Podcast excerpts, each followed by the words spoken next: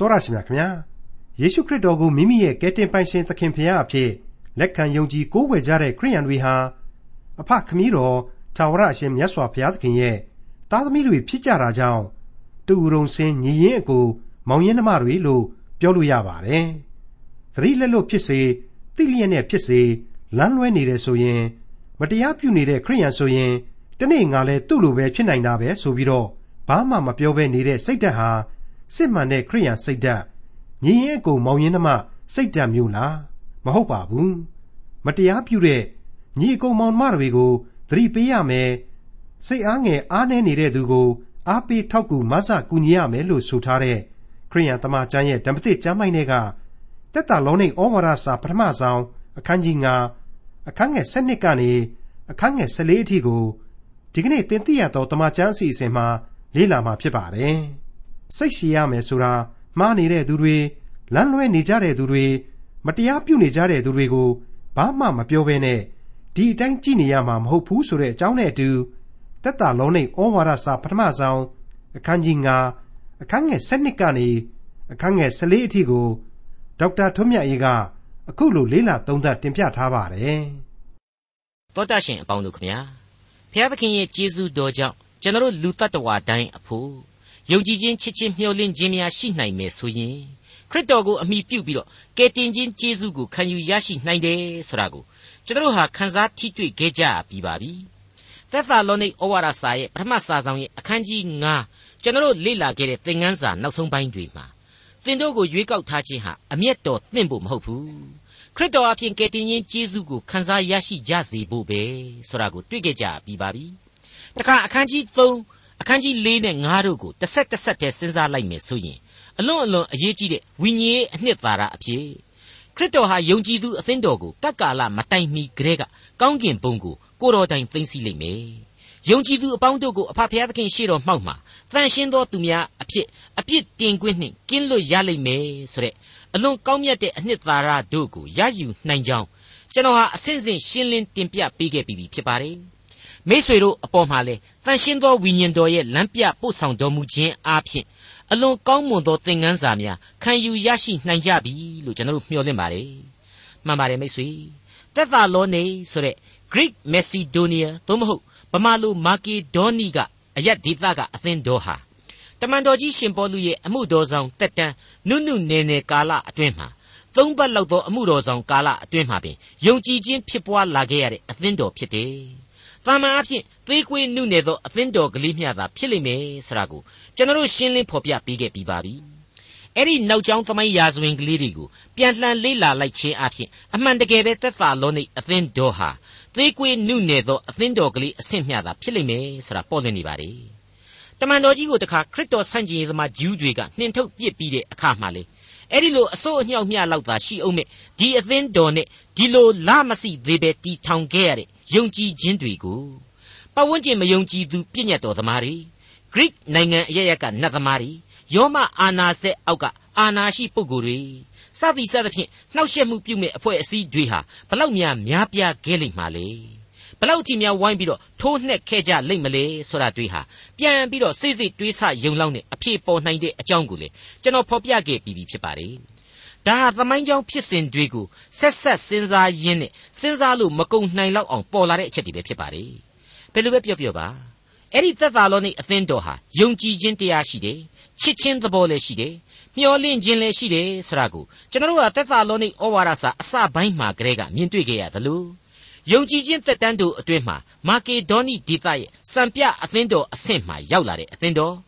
လက်တွေ့မကျတဲ့ဓမ္မရေးရာအတွေ့အခေါ်အဖြစ်အနာဂတ်အရေးမှာ ခရစ်တော်ရဲ့ကြွလာတော်မူခြင်းကိုတောင်းမှသင်ကြားလို့ရနိုင်လောက်တဲ့အထိပါရမီရင့်ကျက်လို့လာခဲ့တဲ့အသင်းတော်ဖြစ်ခဲ့ပြီဆိုတာကိုလေကျွန်တော်တို့ဟာအံ့ဩလို့မကုန်နိုင်လောက်အောင်အကဲဖြတ်နိုင်လိမ့်မယ်လို့ကျွန်တော်ဒီနေရာမှာပြန်ပြီးတော့အမှတ်ရစေချင်ပါတယ်ဟုတ်ပါတယ်အမှတ်ရတိုက်သောသက်သာလောနိတ်အသင်းတော်ဆိုင်ရာသီးသန့်ဂုံအင်္ဂါလက္ခဏာတွေပဲဖြစ်ပါတယ်မိတ်ဆွေအပေါင်းတို့ဒီကနေ့ဒီအချိန်မှာတော့ကျွန်တော်တို့ဟာသက်သာလောနိဩဝါဒစာပထမစာဆောင်ရဲ့ဏိဂုံးပိုင်းကို တရွေ့ရွေ့ရောက်ရှိလာပြီဖြစ်ပါတယ်ဒီကနေ့သင်ခန်းစာများကိုတော့ယုံကြည်သူအသင်းတော်နှင့်ယုံကြည်သူတို့အတွက်ညွှန်ကြားချက်များဆိုပြီးတော့ကျွန်တော်တို့ခေါင်းစဉ်ပေးရင်လေ့လာသွားကြရလိမ့်မယ်လို့ကျွန်တော်အနေနဲ့ကြိုတင်ဖော်ပြလိုပါတယ်အသေးစိတ်လေ့လာနိုင်ဖို့ရန်အအတွက်လည်းအထူးပဲအရေးကြီးလိမ့်မယ်လို့ကျွန်တော်ခံယူမိပါတယ်မိတ်ဆွေအပေါင်းတို့မနေ့ကပြီးခဲ့တဲ့သင်ခန်းစာရဲ့ဏိဂုံးပိုင်းမှာဆိုရင်ငါတို့သည်နိုးလျက်ရှိသည်ဖြစ်စေအိပ်ပျော်သည်ဖြစ်စေ ထိုသခင်နှင့်အတူအသက်ရှင်မိအကြောင်းငါတို့အဖို့အသေးခံတော်မူပြီသင်တို့သည်ယခုပင်ပြုသည်နိတူအချင်းချင်းတိုက်တွန်း၍တယောက်ကိုတယောက်တိဆောက်ကြလောဆိုပြီးတော့တမန်တော်ကြီးဖော်ပြရင်းဏိဂုံးချုပ်ပေးခဲ့ပါတယ်ဟုတ်ပါတယ်အမှန်တကယ်တည်ရှိသောကယ်တင်တော်မူခြင်းအတွက်တယောက်ကိုတယောက်တိတိုက်တွန်းအားပေးကြရမယ်နှစ်တိဆောက်မှုပြုကြရမယ်ဆရာဟာနှစ်ခုသောညွှန်ကြားချက်ပဲဖြစ်ပါတယ် ဒါကိုခရစ်တော်ရဲ့ဂယုနာတော်နဲ့ပတ်သက်တဲ့ပြည့်ညတ်တော်များပဲလို့ထည့်တွက်မယ်သတ်မှတ်မယ်ဆိုရင်လည်းရနိုင်ပါလိမ့်မယ်ဟုတ်ပါပြီအဲ့ဒီပြည့်ညတ်ချက်သို့မဟုတ်ညွှန်ကြားချက်များလို့ပဲနောက်ထပ်ညွှန်ကြားချက်တွေကိုအခုလေ့လာရမယ့်အပိုင်းမှာမိษွေတို့အများကြီးဆက်လက်တွေ့မြင်သွားရပါလိမ့်အောင်မယ်မိษွေတော်တတ်ရှင်အပေါင်းတို့ကယ်တင်ရှင်သခင်ခရစ်တော်ဟာလူစားတိကိုခံယူပြီးတော့ကားတိုင်းတော်ပေါ်မှာကျွန်တော်တို့အတွက်အသေးခံတော်မူတယ် အသွေးတော်အပြင်ကျွန်တော်တို့ရဲ့အပြစ်အညစ်အကြေးတွေကိုဆေးကြောပြီးတော့ကယ်တင်ခြင်းကျေးဇူးကိုပြုခဲ့တယ်အဲ့ဒီမှာတင်ကျွန်တော်တို့အတွက်ဖြစ်တည်လာရတဲ့ကယ်တင်ခြင်းတရားဟာတစ်ဖက်သက်ဖြစ်သောဘုရားသခင်ရဲ့ကျေးဇူးနဲ့ဂရုနာတော်ကိုညွှန်ပြနေပြီးတော့တခုသောမေကွန်းဟာကောင်းကင်ဘုံကနေသက်ရောက်လာတယ်လို့ပဲလို့ကျွန်တော်ဆိုချင်ပါတယ်အဲ့ဒါကတော့အဲ့ဒီကယ်တင်ခြင်းကျေးဇူးရဲ့အရှင်သခင်ခရစ်တော်ကိုကျွန်တော်တို့လက်ခံနိုင်ကြရဲ့လားဆိုတဲ့မိကွန်းပဲဖြစ်ပါတယ် ဟုတ်ကဲ့လက်ခံပြီလို့ဖြေနိုင်ပြီဆိုပါတော့လက်ခံသူရဲ့အသက်တာနဲ့ပတ်သက်တဲ့လက်ခံခြင်းဆိုင်ရာစီးမြင်တွေစီကံကလနာလေးတွေဟာရှိလာရတော့မှဧကန်အမှန်ပဲဆိုတာကိုကျွန်တော်ဆက်ပြီးတော့တွေးမိခေါ်မိလာကြရမှာဧကန်အမှန်ဖြစ်ပါတယ်မှန်ပါတယ်သိပြီးတော့မတင့်တယ်မလျော်ကန်ပေးမဲ့ဥပမာပေးရမယ်ဆိုရင်တော့လူအဖွဲ့အစည်းအတွင်းမှာဆိုရင်တိုင်းပြည်တိုင်းပြည်အလိုက်အဖွဲ့အစည်းအဖွဲ့အစည်းအလိုက်ဌာနဆိုင်ရာဌာနဆိုင်ရာအလိုက်စီကံတွေ ပြဋ္ဌာန်းချက်တွေဟာမရေမတွက်နိုင်အောင်ရှိပါတယ်ဌာနဆိုင်ရာစီကံတွေရှိတယ်စစ်သားတို့အတွက်ဆိုရင်စစ်စည်းကံတွေဝန်တန်းစီမင်းတွေစသည်စသဖြင့်စီကံကလနာတွေဟာရှိစမြဲပဲဖြစ်ပါတယ်ဘာအလုံးမှမလုပ်ဘူးဆိုရင်တောင်းမှလူမှန်မယ်ဆိုရင်ပြည်သူနီတိဆရာဟာမရှိမဖြစ်တဲ့စီကံအဖြစ်လူတယောက်ကိုချုပ်တီးထားတယ်ဆိုတာမြင်ရပါတယ်အဲ့ဒီလိုဆိုရင်ခရစ်တော်ကိုယုံကြည်သူတို့အတွက်ကော ယုံကြည်သူတို့အတွက်နီတိဆိုတာဟာမရှိရတော့ဘူးလားဆိုတာကိုတွေးဖို့လိုလာပြီစဉ်းစားဖို့လိုလာပြီအဖြေအနေနဲ့ကတော့ရှိရမယ်ရှိတိုက်တယ်ဆိုတဲ့အဖြေကိုဒိုင်းနဲ့လွယ်လွယ်ကလေးကျွန်တော်တို့တွေးမိလာစေပါတယ်မှန်ပါတယ်အထက်ကကျွန်တော်ပြောခဲ့တဲ့အတိုင်းပဲပြီးခဲ့တဲ့သင်ခန်းစာအရာထိုကယ်တင်ခြင်း၏အရှင်သခင်ခရစ်တော်၏ကယ်တင်ခြင်းကျေးဇူးကိုခံယူ၍ထိုသခင်နှင့်အတူအစဉ်တစိုက်အသက်ရှင်မည်အကြောင်းအချင်းချင်းတယောက်ကိုတယောက်တိုက်တွန်းအားပေးရမယ် တိဆောက်ကြရလိမ့်မယ်ဆိုတဲ့အမှတ်စဉ်1နဲ့2ပြည့်ညတ်ချက်တွေကိုကျွန်တော်တို့ကြားနာခဲ့ကြပြီးပါပြီဒီကနေ့စတင်ကြရမှာကတော့အခုလိုဖြစ်ပါတယ်သက်သာလောနိဩဝါဒစာပထမစာဆောင်အခန်းကြီး9အငယ်7နဲ့73ထိုမှတပါညီအကိုတို့တင်တို့တွင် အမှုတော်ကိုဆောင်ရွက်ခြင်းသခင်ဖျားအခွင့်နှင့်အုပ်ဆိုးခြင်းသတိပေးခြင်းအမှုကိုပြုသောသူတို့ကိုတိမှတ်၍သူတို့ပြုသောအမှုကြောင့်မေတ္တာစိတ်နှင့်အလွန်ချစ်ခင်လေးမြတ်မိအကြောင်းငါတို့သည်တောင်းပန်ကြ၏ အချင်းချင်းအသင့်အတင့်နေကြလောနောက်ထပ်ညွှန်ကြားချက်အသစ်တွေပါဝင်လာပြီတင်တို့တွင် အမှုတော်ဆောင်သူသင်းအုပ်လုပ်သူသတိပေးခြင်းဖြင့်ဆရာလုပ်သူကြက်မှတ်ကွက်ကဲလာသူတို့ရှိလိမ့်မယ်သူတို့ကိုအသိအမှတ်ပြုကြပါတဲ့သူတို့အဲ့ဒီလိုပြုတဲ့အမှုတွေအတွက်မုံမပွားကြပါနဲ့မေတ္တာရှိထား၍လေးစားချစ်ခင်ခြင်းရှိကြပါပြီးနောက်မှာတော့အချင်းချင်းအသင့်အတင်နေကြပါတဲ့အဲ့တော့ဒီညွှန်ကြားချက်နောက်ထပ်ဟာ နောက်ထပ်ညွှန်ကြားချက်ဟာသုံးချက်တောင်တွေ့လာတယ်လို့ကျွန်တော်တို့မြင်နိုင်ပါတယ်မိษွေအပေါင်းတို့ယုံကြည်ခြင်းချစ်ခြင်းမျှော်လင့်ခြင်းတို့ရှိပါတယ်ဆိုတဲ့အသင်းတော်သက်သာလောနေဆရာဟာစံပြုတ်တိုက်တဲ့မာကီဒေါနီအရက်ကထိတ်တန်းအသင်းတော်အဆင့်ရှိခဲ့ပြီဆိုတာကိုကျွန်တော်တို့တွေ့ခဲ့ကြပြီးပြီဒါပေမဲ့လူသားတွေကလူသားတို့ပေါင်းစုထားတဲ့အသင်းတော်ဆရာဟာတိမ့်ရွဲ့ရင်ပါတတ်တယ်စာရမဏေနဲ့တပန်းလုံးနေရတတ်တယ်ဆိုတာကိုလေကျွန်တော်အထက်ထပ်သတိပေးခဲ့ပြီးပါပြီ သတိပေးခဲ့ပြီးပြီဆိုလို့ကျွန်တော်ကိုဆရာကြီးလုပ်တယ်များတွားမထင်ကြပါနဲ့နော်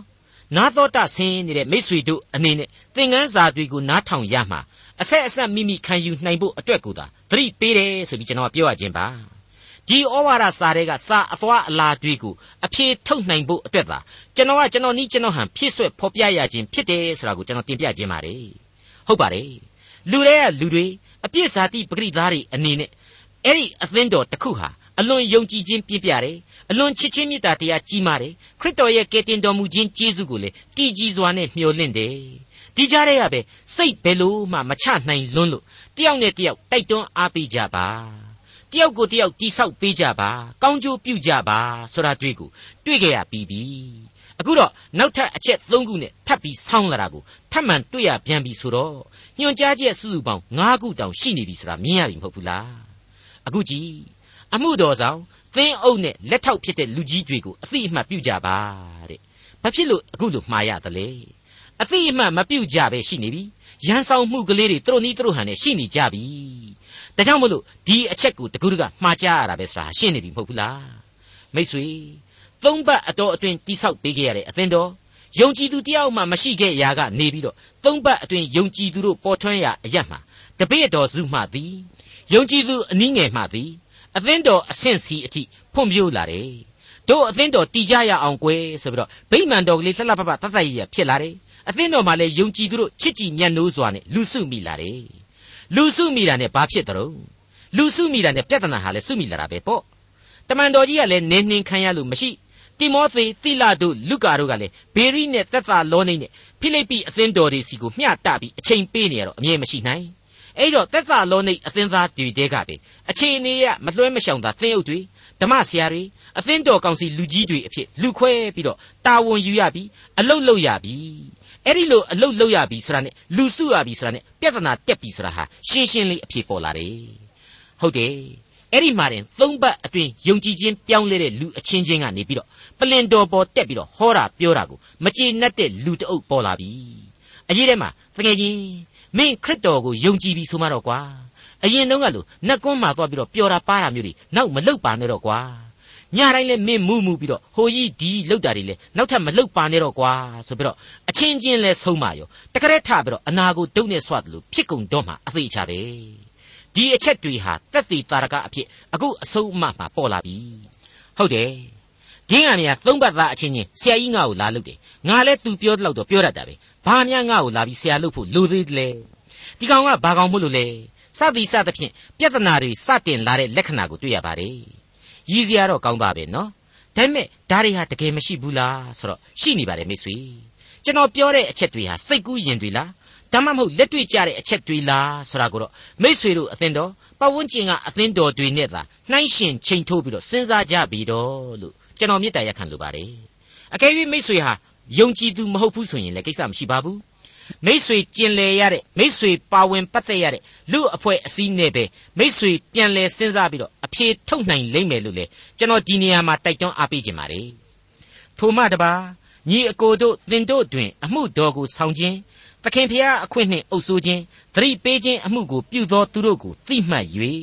သူတို့ပြုသောအမှုကြောင့်မေတ္တာစိတ်နှင့် အလွန်ချစ်ခင်လေးမြတ်မည်အကြောင်းငါတို့သည်တောင်းပန်ကြ၏အချင်းချင်းအသင့်အတင့်နေကြလောတဲ့တမန်တော်ကြီးရှင်ပေါလုကနေတဆင့်ဝိညာဉ်တော်ဟာအလွန်အရေးကြီးတဲ့အချက်ကြီးကိုညွှန်ပြနေပါတယ်အဲ့ဒါကတော့ဖျားသခင်အခွင့်ဆိုတဲ့အချက်ပါဝင်လာခြင်းပဲဖြစ်ပါတယ်ဟုတ်ပါတယ်ဖျားသခင်အခွင့်နဲ့သုံးပတ်သားအချင်းချင်းကိုယ့်ကိုတရားလာဟောတယ်ကို့အားနည်းချက်ကိုထောက်ပြလာတဲ့ဆိုရင်ကိုဟာလက်ခံလိုက်ပါအသိအမှတ်ပြုလိုက်ပါဆိုတာနဲ့ တူပြိုင်ဆက်ပြီးဖော်ပြပေးတာကတော့သူတို့ပြုသောအမှုကြောင့်တဲ့ရှင်းနေပါပြီသူတို့ပြုတဲ့အမှုဟာဘုရားသခင်အခွင့်နဲ့ဖြစ်နေပြီမဟုတ်ဘူးလားဘာသွားပြီးတော့သုံးပတ်တွေတို့တလမပြည့်တာတွေတို့သူလိုကိုလိုအချင်းချင်းတွေတို့အချင်းချင်းငါ့ကိုတက်ပြီးဆရာလုပ်တယ်တို့ဒီပြောနေဖို့လိုသေးတယ်လေသူတို့ပြုသောအမှုကိုကြည့်ဘုရားသခင်နှစ်သက်ဖွယ်သောအမှုတွေဖြစ်နေပြီဆိုရင်ကိုမနှစ်သက်တာမကြိုက်တာကိုနဘေးချိတ်မေတ္တာကြီးမားစွာနဲ့လေးလေးစားစားလက်ခံလိုက်ပါ မျက်မျက်နိုးနိုးကြည်ညိုလိုက်ပါတဲ့မှန်ပါတယ်သခင်ဖျားအခွင့်နှင့်အုပ်ဆိုးခြင်းသတိပေးခြင်းအမှုကိုပြုသောသူတို့ကိုအသိအမှတ်ပြု၍သူတို့ပြုသောအမှုကြောင့်မေတ္တာစိတ်နှင့်ချစ်ခင်လေးမြတ်ကြဖို့ရန်ငါတို့တိုက်တွန်းလိုက်ပါတယ်တဲ့မိတ်ဆွေယုံကြည်သူအပေါင်းတို့ခမညာတမန်တော်ကြီးရှင်ပေါလုဟာဒီပြည့်ညက်ချက်ဒီညွှန်ကြားချက်တွေကိုဖော်ပြရမှာငါတို့တောင်းပန်ပါ၏လို့သုံးပါတယ်ယဉ်နှင်းစရာဖြစ်စေတယ်တွေးတောစရာဖြစ်တယ်လို့ကျွန်တော်ယင်ထဲမှာခန်းစားမိပါတယ် လူအဖွဲ့အစည်းသားဖြစ်တဲ့အသင်းတော်ရဲ့ပြဿနာတွေဟာအလွန်အလွန်ရှုပ်ထွေးတယ်မေတ္တာတရားမပါဘဲရှင်းလို့မရနိုင်ဘူးအလျှော့ပေးခြင်းမပါဝင်ဘဲနဲ့လေဒီပြဿနာတွေကဘယ်တော့မှမပြီးပြတ်ဘူးအဲ့ဒီလိုမေတ္တာစိတ်ဆိုတာဟာလေမွေးမြူဖို့အလွန်အလွန်ခက်တယ်တင်းမာနေသမျှကာလပတ်လုံးအဖြေမရနိုင်ပါဘူးရှင်းလေရှုပ်လေဖြစ်တတ်ပါတယ်အလွန်ကြီးမားတဲ့ဆိုးကြိုးကြီးတွေတက်ရောက်နိုင်တယ်ဆိုတာတွေ့ကိုရှင်းနေအောင်တက်တည်ပြဖော်ပြလိုက်တာပဲလို့ကျွန်တော်ယင်ထဲမှာခန်းစားရပါတယ် ဟုတ်ပါတယ်သခင်ဖျားအခွင့်နှင့်အုပ်ဆိုးခြင်းသတိပေးခြင်းအမှုကိုပြုသောသူတို့ကိုအတိအမှတ်ပြု၍သူတို့ပြုသောအမှုကြောင့်ပင်ဖြင့်မေတ္တာစိတ်နှင့်ချစ်ခင်လေးမြတ်ကြဖို့ရန်ငါတို့တောင်းပန်ကြပါ၏တဲ့ရှင်းနေပါတယ်တမန်တော်ကြီးရှင်ပေါလုရဲ့ယင်ထဲကပေါ်ထွက်တဲ့ခန်းစားချက်ပါနောက်တစ်ခုကတော့အချင်းချင်းအသင့်အတင့်နေကြလော့ဆိုတဲ့အချက်ဖြစ်ပါတယ်အိမ်တောင်မိသားစုတွေ ညီကိုမောင်နှမဆွေမျိုးသားချင်းတွေဒီအတိုင်းပဲအသင့်အတင့်ဖြစ်ဖို့ရမေတ္တာစိတ်ကိုမွေးကြရတာပဲတကယ်တော့ကိုနဲ့ကိုတောင်မှနေရင်ထိုင်ရင်မကြည့်မသာဖြစ်တတ်သေးတာပဲကိုနဲ့တခြားတစိမ့်လူတယောက်ဆိုတာကတော့အထူးပြောစရာမရှိတော့ဘူးတယောက်နဲ့တယောက်အမြင်မတူနိုင်ပါဘူးဆန္ဒမတူညီနိုင်ဘူးအရေးအကြီးဆုံးကတော့ခရစ်တော်ရှေ့တော်မှောက်မှာအတူတကွတူပြိုင်ဒူးထောက်နိုင်ကြရပါလိမ့်မယ်အတူတကွဆုတောင်းနိုင်ကြရပါလိမ့်မယ်ကျေးဇူးတော်ကိုချီးမွမ်းနိုင်ကြရပါလိမ့်မယ် မိษွေတို့အနေနဲ့သက်သာလောနိဩဝါဒစာပထမစာဆောင်ရဲ့အခန်းကြီး၄တုန်းကအငယ်9နဲ့10အတွင်းမှာတမန်တော်ကြီးရေးသားခဲ့တဲ့အချက်ကလေးတစ်ခုကိုသတိရကြလိမ့်မယ်လို့ကျွန်တော်တွေးမိပါတယ်ညီအကိုချင်းချစ်ချင်းအရာကိုသင်တို့အားရေး၍ပေးလိုက်เสียအကြောင်းမရှိအဘယ်ကြောင့်နည်းဟုမူကားသင်တို့သည်အချင်းချင်းချစ်စေခြင်းဟာဘုရားသခင်ဆုံးမသွန်သင်တော်မူသောသူဖြစ်ကြ၏ ထိုမြတ်မကမာကေဒေါနိပြည်တွင်အရရ၌ရှိသောညီအကိုအပေါင်းတို့ကိုထိုသို့ပြုကြ၏သို့တော်လည်းညီအကိုတို့သင်တို့သည်တိုးပွား၍ကြွယ်ဝပြည့်စုံမည်အကြောင်းနှင့်ပြင်ပလူတို့ရှိ၌လျှောက်ပတ်စွာကျင့်၍အဘယ်မျှမလိုရအောင်ငါတို့သည်အထက်ကမှားထားသည်နှင့်အညီငြိမ်ဝတ်စွာနေ၍ကိုအမှုကိုဆောင်ရွက်လျက်ကိုလက်နှင့်လှုပ်ဆောင်ခြင်းဟာစေတနာစိတ်နှင့်ကြိုးစားအားထုတ်မည်အကြောင်းငါတို့သည်တိုက်တွန်းသွေးဆောင်ကြ၏ငြိမ်ဝတ်စွာနေ ကိုအမှုကိုကိုဆောင်ရွက်စေတနာစိတ်နှင့်ကြိုးစားအားထုတ်တဲ့အဲ့ဒီလိုသာဆိုရင်ပုံမကြွယ်ဝပြည့်စုံလိမ့်မယ်တိုးတက်ခြင်းရှိလိမ့်မယ်တခါအဲ့ဒီလိုငြိမ်ဝတ်စွာနေခြင်းကိုတာကိုကိုလုံခြုံစေခြင်းစေရနာတရားတရားမွေးမြူနိုင်ခြင်းဆရာတွေဟာလေအချင်းချင်းချစ်တဲ့မေတ္တာစိတ်ကနေသာအရင်ခံပြီးဖြစ်လာတာဖြစ်ပါတယ်တဲ့အဲ့ဒီလိုကျွန်တော်တို့တွေ့ကြရပြီးဖြစ်ပါတယ်မိတ်ဆွေကျွန်တော်မှတငယ်ချင်းတွေအများကြီးရှိပါတယ်အဲ့ဒီအထက်ကတယောက်နှစ်ယောက်ဟာအမြဲတမ်းရန်လိုတတ်ပါတယ် ထက်ခနဲ့ရှိတာနဲ့ကျင်းလာမောင်းလာလုပ်ချင်တယ်အဲ့ဒီတော့လူမုံများတာပေါ့သူတို့ရှိတဲ့လုပ်ငန်းခွင်အဖိုင်းဝိုင်းဆိုရင်လည်းပြောစရာမကောင်းဘူးအဲ့ဒါနဲ့ပဲကျွန်တော်ကမနေနိုင်ဘူးမင်းတို့ကွာစိတ်ကလေးများလည်းရှော့ကြပါအောင်ဆိုတာမျိုးတွားပြောမိတော့ကျွန်တော်ကပါသူတို့ကငေါက်တယ်မင်းဘာနားလေလို့လေငါတို့ကမဟုတ်ရင်မခံဘူးတဲ့အဲ့ဒါနဲ့ပဲတငယ်ချင်းတို့မဟုတ်ရင်မခံဘူးဆိုတော့ကောင်းပါလေဒါပေမဲ့ မင်းတို့ကရောအမြဲတမ်းဟုတ်နေကြလို့လားမှန်နေကြလို့လားဆိုတော့အေးငါတို့လည်းအမြဲတမ်းတော့မဟုတ်ဘူးအမြဲတမ်းတော့မမှန်ဘူးအဲ့ဒါကြောင့်ငါတို့ကကိုကိုကိုလည်းအမြင်ကတ်တာပဲဟေးကိုကိုကိုအမြင်ကတ်လို့လို့လည်းမှန်တောင်မှမကြည့်ကြဘူးဆိုပြီးတော့ကျွန်တော်အဖြေပေးပါတယ်ဒါဟာအမြဲတမ်းစိတ်တူနေရတဲ့ဆိုတဲ့သဘောကိုကိုကိုတောင်ပြန်မကြည့်ခြင်းဘူးဆိုတဲ့သဘောပေါ့မိတ်ဆွေအပေါင်းတို့စိတ်ထောင်းကိုကြည်တဲ့စကားရှိပါတယ် ဂယုဏအရာ၌ပင်ကြမ်းကြုတ်တတ်ခြင်းဆိုတာကိုလေဘုရားသခင်မနှစ်သက်တဲ့အကြောင်းကိုသုတ်တန်ကျမ်းမှာကျွန်တော်တို့တွေ့ခဲ့ကြပြီးပြီခရစ်တော်၏ချစ်ချင်းမေတ္တာတရားကိုခံယူထားသူဟာခရစ်တော်ရဲ့မေတ္တာသဘောကိုရောင်ပြန်ဟပ်နိုင်ကြရလိမ့်မယ်မေတ္တာစိတ်နဲ့သာအရာရာကိုရှုမြင်သုံးသပ်ကြရမယ်အချင်းချင်းပေါင်းသင်းဆက်ဆံကြရလိမ့်မယ်လို့ကျွန်တော်ဒီနေရာမှာတင်ပြခြင်းပါတယ်အမျက်ဒေါသတွေထွက်တဲ့အခါအသင်းတော်မှာလူမှုဆက်ဆံရေးနဲ့ပတ်သက်ပြီးတော့စိတ်မကြည်မသာဖြစ်တဲ့အခါ မကြည်နဲ့တဲ့အခါမျိုးမှာကောရိန္သုဩဝါဒစာပထမစာဆောင်အခန်းကြီး73ကိုသတိရကြပြီတော့လို့ကျွန်တော်အကြံပြုခြင်းပါတယ်အဲ့ဒီကောရိန္သုဩဝါဒစာပထမစာဆောင်အခန်းကြီး73မှာဆိုရင်မေတ္တာတရားရဲ့အကြောင်းကိုအလေးနဲ့ဖော်ပြထားပါတယ်မေတ္တာမရှိလျင်ငါ၌အကျိုးမရှိမေတ္တာသည်စိတ်ရှိတတ်၏ကျေးဇူးပြုတတ်၏မေတ္တာသည်ဂုံပြိုင်ခြင်းမရှိဝါကြွားခြင်းမရှိမာမာနမရှိမလျောက်ပတ်စွာမကျင့်တတ်ကိုယ်အကျိုးကိုမရှာတတ် ဒေါသအမျက်မထွက်တတ်အပြစ်ရှိသည်ဟုမထင်တတ်တဲ့မိတ်ဆွေအပေါင်းတို့အခုအထိဆိုရင်ရှင်ပေါလုမှတဆင့်ဝိညာဉ်တော်ဖော်ပြခဲ့တဲ့လမ်းညွှန်ချက်ပေါင်း၅ခုရှိခဲ့ပြီးပါပြီတိုက်တွန်းတိဆောက်သိမှတ်လေးစားတင့်တင်ဆိုပြီးတော့အတူကျုပ်ကလေးတွေမှတ်လို့ရနိုင်မယ့်အချက်၅ခုပဲဖြစ်ပါတယ်ဆက်လက်ပြီးတော့ဘာတွေဆက်လက်တိုက်တွန်းဖော်ပြလမ်းညွှန်အောင်မယ်ဆိုတာကိုတော့အငယ်၁၄ကိုဖတ်ရင်းလေ့လာကြည့်ကြပါတဖန်တုံညီအကိုတို့မတရားစွာပြုသောသူတို့ကိုသတိပေးကြလော့ စိတ်ငယ်သောသူတို့ကိုအားပေးကြလော့အားနည်းသောသူတို့ကိုထောက်မှကြလော့ခသိန်းသောသူတို့အားရှည်သောစိတ်ရှိစေကြလော့ဝါကြတစ်ခုတည်းမှတင်ညွှန်ကြားချက်၄ခုဖြစ်ဆွဲနေပါတယ်မတရားစွာပြုသောသူတို့ကိုသတိပေးပါစိတ်ငယ်သောသူတို့ကိုအားပေးပါအားနည်းသောသူတို့ကိုထောက်ပံ့ပါလူတိုင်းအပေါ်မှာစိတ်ရှိပါတဲ့ပထမအချက်ဖြစ်တဲ့မတရားစွာပြုတဲ့သူတွေကိုသတိပေးပါဆိုပြီးတွေ့ရတော့မင်းမယ်စောပိုင်းတုန်းကငြိမ်ဝတ်စွာနေကို့အလုပ်ကိုလုပ်ဆိုကွာ ဘာအခုလေတံပြောင်းသွားပြန်ပြီလေသူ့အတူမဟုတ်တာလုပ်ရင်မဟတ်တာဖြစ်မှာပဲဥစ္စာတွားပြီးသတိပေးလိုက်ခါမှပြဿနာတွေပိုတက်လာရင်ဘယ်နဲ့လုပ်မလဲဆိုပြီးတော့မေးเสียရှိလာပါတယ်တွေးเสียရှိလာပါတယ်လှေနံဓာတ်တစ်မမှတ်ရပါဘူးမိတ်ဆွေလူတယောက်မဟုတ်တာလုပ်ပြီးတော့မဟတ်တာဖြစ်တာကအရေးမကြီးပါဘူးအသင်းတော်အဖွဲ့အစည်းအမှုတော်ဆောင်လုပ်ငန်းမှာအမိုက်ကစပြတ်သက်မီးမလောင်ဖို့ကတော့ပို့ပြီးတော့အရေးကြီးလိမ့်မယ်လို့ကျွန်တော်ဆိုချင်ပါတယ်မိတ်ဆွေအပေါင်းတို့ ယေရှုခရစ်၌ရှိသောစိတ်တော်ဆိုတာကိုစ조사ခံယူကြသူတို့အတွက်ကတော့တယောက်နဲ့တယောက်အကြံပေးတာသတိပေးတာဝေဖန်တာစတဲ့အရာတွေဟာဘာမှမုန်းကြည့်စရာအကြောင်းမရှိကျေးဇူးတင်စရာတောင်မှဖြစ်လိမ့်မယ်လို့ပဲကျွန်တော်တို့ခံယူပါတယ်ဒီနေရာမှာတမန်တော်ကြီးရှင်ပေါလုဟာရှင်ပေတရုကိုအဲ့ဒီလိုပဲဝေဖန်မှုသတိပေးမှုတွေရှိခဲ့ဘူးတယ်ရှင်ပေတရုဟာဒါကိုနာစရာလို့မခံယူခဲ့တဲ့အပြင်ကျေးဇူးတောင်မှတင်ခဲ့တယ် မေတ္တာတောင်မှတုံ့ပြန်နိုင်ခဲ့တယ်ဆိုတာကိုကျွန်တော်အထောက်အထားများနဲ့ပြန်ပြီးတွေ့နိုင်ပါတယ်ဟုတ်ပါတယ်ဂလာတိဩဝါဒစာမှာပေတရုရဲ့အားနည်းချက်တချို့ကိုရှင်ပေါလုအခုလိုထောက်ပြခဲ့ပါတယ်ဂလာတိဩဝါဒစာအခန်းကြီး1အငယ်7ကနေ14အတွင်မှာကြည်ပါထို့နောက်ပေတရုသည်အန်တိအုတ်မြို့သို့ရောက်လာသောအခါသူ၌အပြစ်တင်စရာအခွင့်ရှိသောကြောင့်သူ့ကိုယ်တိုင်ကိုငါညင်း၍စီတာရ၏အကြောင်းမူကားလူအချို့တို့သည်ယာကုပ်ထံကမရောက်မလာမီ ပေတရုသည်တပါးအမျိုးသားတို့နှင့်အတူစား၏သူတို့ရောက်လာသောနောက်ပေတရုသည်အယေပြားလှီးခြင်းကိုခံသောသူတို့၏မျက်နှာကိုထောက်၍တပါးအမျိုးသားတို့နှင့်မပေါင်းဝန်းတယောက်တခြားစီနေ၏ကျွင်းသောယူဒလူတို့သည်ပေတရုနှင့်အတူလျှို့ဝှက်၍သူတို့လျှို့ဝှက်ခြင်းအပြင်ဘာနဘသည်လေသူတို့ဘက်သို့ပါသွား၏သူတို့သည်မှန်သောဧဝံဂေလိတရားနှင့်အညီဖြောင့်မတ်စွာမကျင့်ကြောင်းကိုငါသည်မြင်လျင်ထိုသူအပေါင်းတို့ရှေ့မှပေတရုအားငါဆိုသည်ကား သင်သည်ယူဒလူဖြစ်လျက်ပင်ယူဒထုံးစံအတိုင်းမကျင့်ပဲတပားမျိုးသား၏ထုံးစံအတိုင်းကျင့်လျင်တပားမျိုးသားတို့သည်ယူဒထုံးစံအတိုင်းကျင့်စေခြင်းဟာအဘယ်ကြောင့်သူတို့ကိုအနိုင်အထက်ပြုသနည်းအဲ့ဒီလိုဖြစ်ပါလေကဲ